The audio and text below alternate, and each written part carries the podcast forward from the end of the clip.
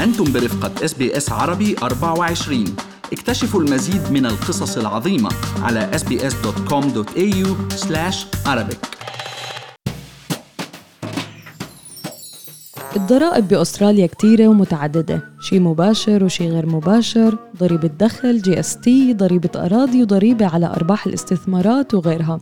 ولكن هل سمعتوا من قبل بضريبة الوفاء؟ مرحبا. معكم مرام إسماعيل من بودكاست لنحكي عن المال. واليوم رح نحكي أنا والمحلل الاقتصادي عبد الله عبد الله عن ضريبة الوفاء وشو هي بالضبط وين عم ندفعها وهل بإمكاننا نتجنبها. بس خليني أذكركم إنه كل اللي بنقال بهالحلقة هو على سبيل المعلومات العامة فقط وليس نصيحة خاصة. عبد الله عادة صفة الوفاء شيء منيح. بس ليه بندفع ضريبة إذا كنا أوفياء؟ والله الظاهر الوفاء بالأمور المالية مرام شغلة مش كتير منيحة. أول شيء نحن خلينا قبل ما نفوت بالتفاصيل نوضح عن شو عم نحكي. ضريبة الوفاء أكيد اليوم ما لها علاقة بالدولة أو مكتب الضريبي ال ATO هي بكل بساطة كلفة نحن بنكون عم ندفعها زيادة لشركات الخدمات مثل التأمين والبنوك وشركات الكهرباء وغيرها من الخدمات الأساسية لأنه بكل بساطة صار لنا فترة طويلة معهم. يعني إذا نحن صار لنا فترة طويلة معهم أو معينة مع التأمين على سبيل المثال بالأغلب بنكون عم ندفع premium عبد الله أعلى من المشتركين الجدد مع إنه نحن الاثنين عم نحصل على نفس مستوى الخدمة. مزبوط ولأنه الشركات اليوم تتنافس بين بعض لاجتذاب زبائن جدد. لهيك بيقدموا لهم عروض وخصومات ليش يشتركوا بالخدمة معهم ونحن المعترين الأوفياء بدفعونا زيادة. مثلا آه، بدراسة لهيئة مراقبة التأمين آه، بولاية نيو ساوث ويلز مرام بين معهم إنه تجديد تأمين السيارة بكلف 27% أكثر للزبون الموجود معهم من إنه إذا كان آه، زبون جديد بده يامن نفس السيارة بنفس الشروط ونفس المبالغ. وقدرت الدراسة نفسها عبد الله إنه التكلفة الزيادة المدفوعة من قبل المستهلكين على تأمينات السيارة بأستراليا هي حوالي 3.6 مليار دولار أي بمعدل 140 دولار سنويا لكل مشترك ونفس الشيء اليوم بالبنوك مرام. مثلا إذا نحن أخذين آه، قرض ب 400 ألف دولار أسعار الفايدة بين بنك وآخر ممكن تفرق بمعدل وسطي يعني 0.4% ويلي آه، تترجم آه، بمبلغ سنوي هو 1600 دولار. هل 1600 دولار؟ هي بكل بساطة ضريبة وفاء. نحن عم ندفعها للبنك اللي نحن معه. وإذا شفنا غير بنوك بنوفرها. ونفس الشيء بينطبق على حسابات البنك وبطاقات الائتمان وخاصة بموضوع الرسوم عبد الله يعني بتروح اليوم على البنك بقول لك تعال خد بطاقة ائتمان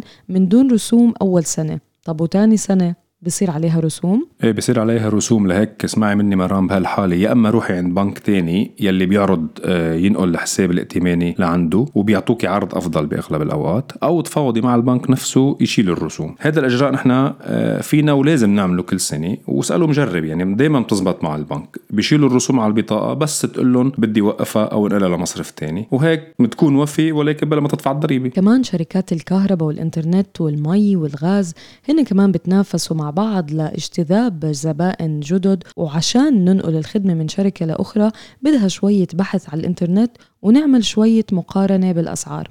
والاتصال بالشركة وطلب منهم يا أما عرض أفضل أو بتقرر تنقل الخدمة تبعتك على شركة تانية. صحيح هلأ للأسف مرام الكتار منا اليوم بيهملوا هالشغلة وبجددوا مع نفس الشركة لأنه بكل بساطة بتكون أكتر كونفينينس لهم أكتر ملائمة. يعني يا أما بنكون مشغولين وما معنا وقت وبعض الأحيان نقل خدمة آه، ممكن يتطلب أوراق وخاصة بموضوع البنوك والقروض وغيرها. لهيك نحن بنلاقي حالنا عم نجدد مع نفس مقدم الخدمة والشركات بتعرف هذا الشيء وبتعرف كيف تستغل وفائنا بشكل كتير منيح. هلا ببعض الولايات عبد الله يعني أخذت الحكومات إجراءات مثل إجبار شركات اللي بتقدم الخدمة إنهم يحطوا على إشعار تجديد الخدمة السنوي اللي هو اسمه renewal notice قديش كانت الخدمة السنة الماضية وقديش رح تصير هالسنة ونسبة الارتفاع بسعرها؟ عشان المستهلك يعرف قديش عم يدفع زيادة. مزبوط وهي خطوة جيدة الحقيقة يعني وبتعطينا نحن كمستهلكين قوة تفاوض أعلى مع هاي الشركات أو منافسيهم. وببلد اقتصاد حر اليوم مثل أستراليا مرام تم في خصخصة معظم الخدمات الأساسية. وللأسف الدولة ما عندها كتير قدرة اليوم توحد أسعار الخدمات والمنتجات. يعني منطق الأمور بالقليلة أنه يكون أسعار خدمة معينة موحدة بالشركة نفسها. ولكن للأسف هذا الشيء مش عم بيحصل ومتروك الأمر للعرض والطلب والعلاقة المباشرة بين مقدم الخدمة والمستهلك. المستهلك ونحن كمستهلكين عبد الله ما لازم نستهين بقوتنا التفاوضية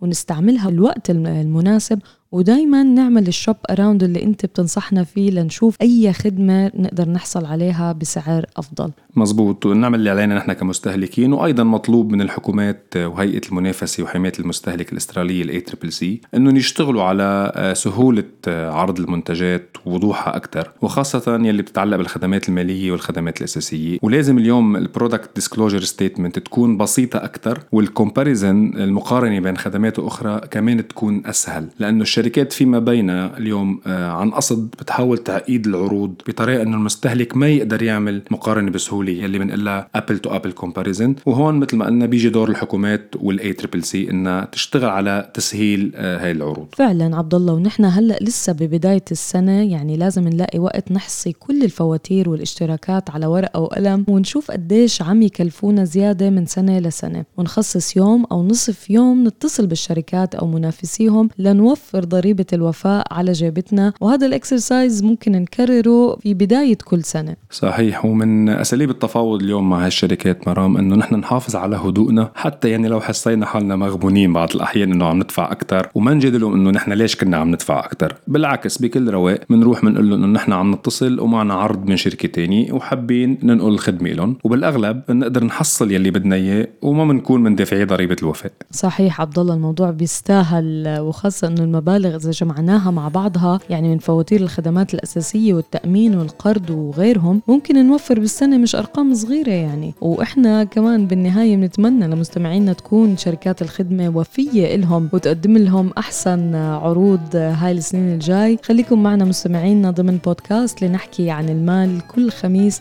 لنواكب كل المستجدات اللي بتهم حياتنا المالية والعملية في أستراليا. اضغطوا على ال like أو على ال share أو اكتبوا تعليقاً.